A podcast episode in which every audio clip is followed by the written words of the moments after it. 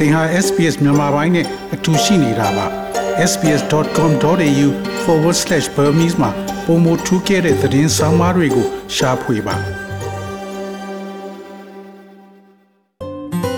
SBS မြန်မာပိုင်းကို အင်ကာနဲ့စနေနေ့ည10:00နာရီမှနားဆင်နိုင်တယ်လို့အွန်လိုင်းကနေလည်းအချိန်မီနားဆင်နိုင်ပါပြီ။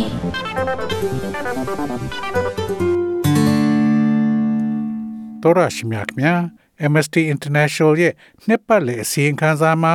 coronavirus ကူးစက်မှုဖြစ်ပွားနေချိန်အတွင်းနိုင်ငံများအကြားလူမျိုးရေးခွဲခြားမှုနှမျှတမှုများကိုမိမောင်းထိုးပြထားပါတယ်။အပြည်ပြည်ဆိုင်ရာလူငင်းချမ်းသာခွင့်အဖွဲ့ဟာဩစတြေးလျနိုင်ငံသားများရဲ့အခွင့်အရေးများကိုပုံမကောင်းမွန်စွာ ကာကွယ်ရန်လှုံ့ဆော်ရန်လိုအပ်ကြောင်းပြသတဲ့ 2021ကနေ2020ခုနှစ်နှစ်ပတ်လည်အစီရင်ခံစာကို ထုတ်ပြန်ခဲ့ပါတယ်။လူအခွင့်အရေးအဖွဲ့သည်ကလေးသူငယ်များအားထိမ့်သိမ်းခြင်း First Nation လူမျိုးများအပေါ်ပြုမှုဆက်ဆံခြင်းနှင့်နိုင်ငံရဲ့ဒုက္ခသည်ဆိုင်ရာမူဝါဒများကဲ့သို့မတရားမှုများကိုမိမောင်းထိုးပြထားပါတယ်။လောဘနှင့်တကူကောင်းဆန်ခြင်းရဲ့သိသာထင်ရှားသောဆောင်ပုဒ်မှာ ချမ်းသာသော corporation များနဲ့ Australia နိုင်ငံရဲ့ပန်းတိုင်လိုဖြစ်နေပြီးစင်ရဲသူများကိုဂရုစိုက်ခြင်းထက်ချမ်းသာလာစေရန်မိမိကိုယ်ကိုအကျိုးပြုတဲ့ကိုကြီးရန်ပန်းတိုင်ကိုမှတ်သားထားပါတယ်လူအခွင့်အရေးဖွဲ့သည်ဩစတြေးလျတွင်ကလေးသူငယ်များချုပ်နှောင်းမှု First Nation လူမျိုးများအပေါ်လူမျိုးရေးမမျှတမှုနှင့်ဩစတြေးလျရဲ့နာမည်ဆိုးဖြင့်ကြော်စောသော ကမ်းလွန်ထိန်သိမ်းစခန်းများကို အသုံးပြုခြင်းအပါအဝင်ဩစတြေးလျရှိနေပယ်အများပြားကိုအစီရင်ခံထားပါတယ်။ MST International မှ Tim O'Brien ကကလေးငယ်များကိုငယ်ရွယ်စဉ်အချင်းထောင်သို့ပို့လိုက်သည့်နှင့်သူတို့ရဲ့ဘဝကိုလုံးဝပြောင်းလဲပြည့်ရန်အလွန်ခက်ခဲလာတယ်လို့ဆိုပါတယ် Well, there are many things that Australia can do, but we know what works, particularly for kids, is not to put them in the quicksand of the justice system. Because if they fall into that quicksand, it's very difficult to get out. Australia is one of the few countries in the world that locks up children. Australia မှာလုံနိုင်တဲ့အရာတွေအများကြီးရှိတယ်ဆိုတာကျွန်တော်တို့သိပါတယ်။ဒါပေမဲ့ကလေးတွေအတွက်အထူးလှုပ်ဆောင်ပေးတဲ့အရာကတရားစီရင်ရေးစနစ်ရဲ့တဲနှုံထဲထဲဖို့မဟုတ်ပါဘူး။ဘာကြောင့်လဲဆိုတော့သူတို့တဲနှုံတွေထဲပြုတ်ကျရင်ပြန်ထွက်ဖို့ကအရန်ခက်ပါတယ်။ဩစတြေးလျဟာကမ္ဘာပေါ်မှာ10နှစ်သားအထိကလေးများကို အချုပ်ချသောနိုင်ငံအနေငယ်ထဲမှတစ်ခုဖြစ်ပါတယ်။ပြီးတော့ဒီညထောင်ထဲမှာ10နှစ်သားကလေးတွေရှိနေပြီးမနေ့ပြန်မနေ့ထောင်ထဲမှာနိုးလာကြပါလိမ့်မယ်။ဒါကိုလက်မခံနိုင်ပါဘူး။ Amnesty International ရဲ့အစီရင်ခံစာမှာ Australia ဆိုရဲ့ရည်မှန်းချက်မှာ Aboriginal နဲ့ Torres Strait Islander အရွယ်ရောက်ပြီးသူများအချင်းချခံရမှုနှုန်းကိုအနည်းဆုံး15ရာခိုင်နှုန်းထိရှော့ချရန်ရည်မှန်းထားတော်လဲမပြည့်မီသေးကြောင်းဖော်ပြထားပါတယ်။ဌာနေတိုင်းသားကလေးငယ်များကြားတွင်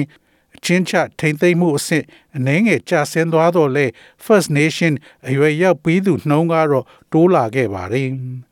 2020ခုနှစ်ဇူလိုင်မှ2021ခုနှစ်ဇွန်လအတွင်းအချုပ်ထဲတွင်ဌာနေတိုင်းသားလူမျိုး26ဦးသေဆုံးခဲ့ကြောင်းသိရှိရပြီး1992ခုနှစ် Royal Commission မှချုပ်နှောင်းထားသည့် Aboriginal Death အဖြစ်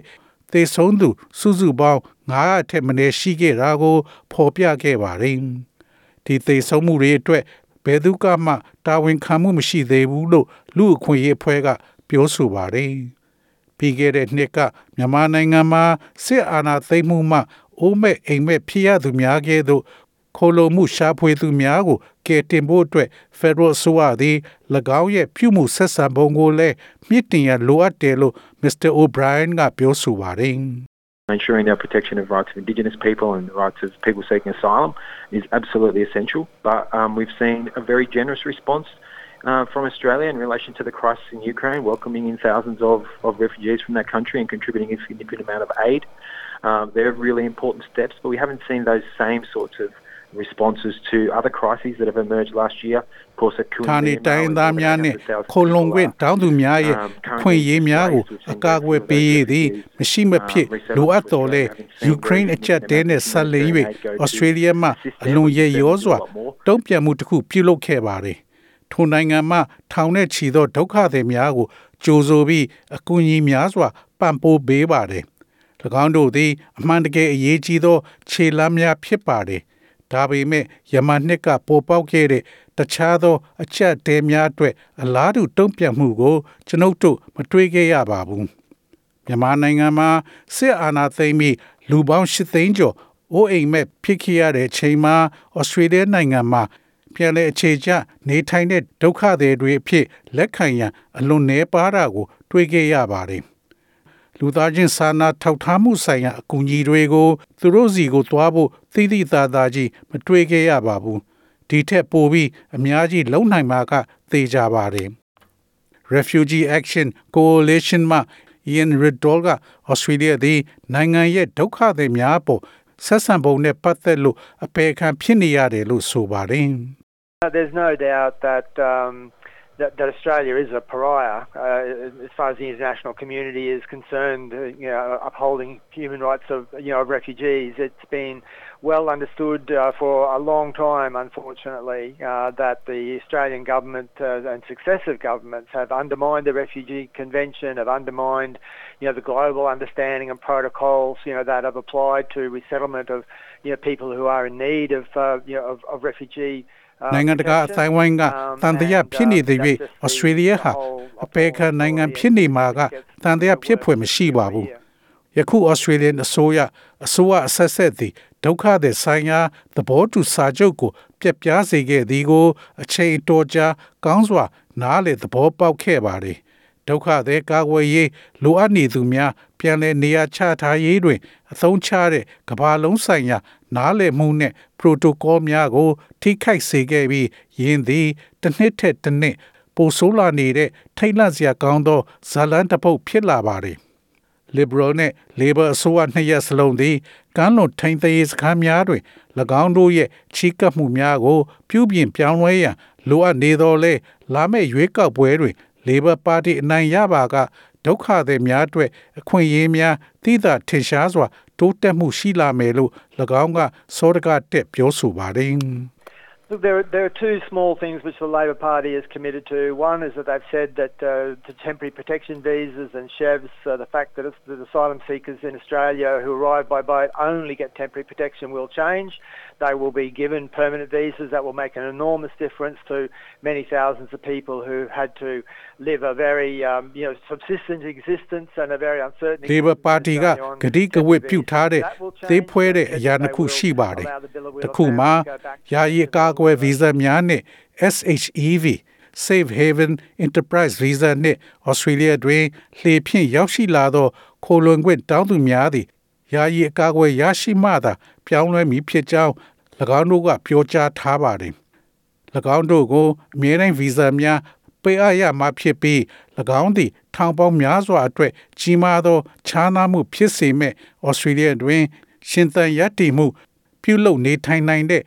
ယာယီဗီဇာဖြင့်နေရမှုမှာသူတို့အတွက်မသေးကြပါဘူးအဲ့ဒါကပြောင်းလဲပါလိမ့်မယ်ဘလိုလာမြို့နယ်ကမိသားစုကိုဘလိုလာကို ပြန်သွားခွင့်ပြုမယ်လို့သူတို့ကပြောထားပါတယ် MST International ဖွဲ့ကတင်ပြတဲ့အခြားအရေးကြီးကိစ္စရပ်များတွင်ဌာနေတိုင်းသားများရဲ့မြေယာခွင့်ရေးကို ချိုးဖောက်ခါ Paris သဘောတူညီချက်အရကာဗန်ထုတ်လွှတ်မှု ရောချရေးပြစ်မှတ်များကိုစန့်ကျင်တဲ့ကြောင်မီးသွေးနဲ့တဘာဝဓာတ်ငွေ project များအတွက် Australia အစိုးရကဆက်လက်ပံ့ပိုးကူညီမှုများလည်းပါဝင်ပါတယ်။တော်ရရှိမြခင်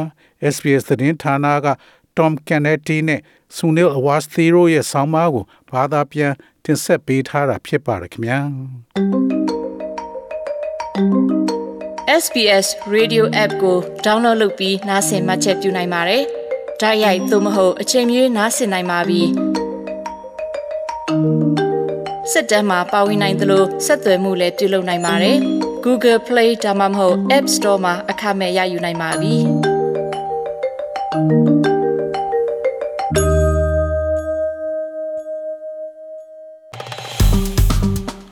SPS မြန်မာပိုင်းကို Facebook ပေါ်မှာ like ရှာပြီး like မျှဝေမှတ်ချက်ပေးပါ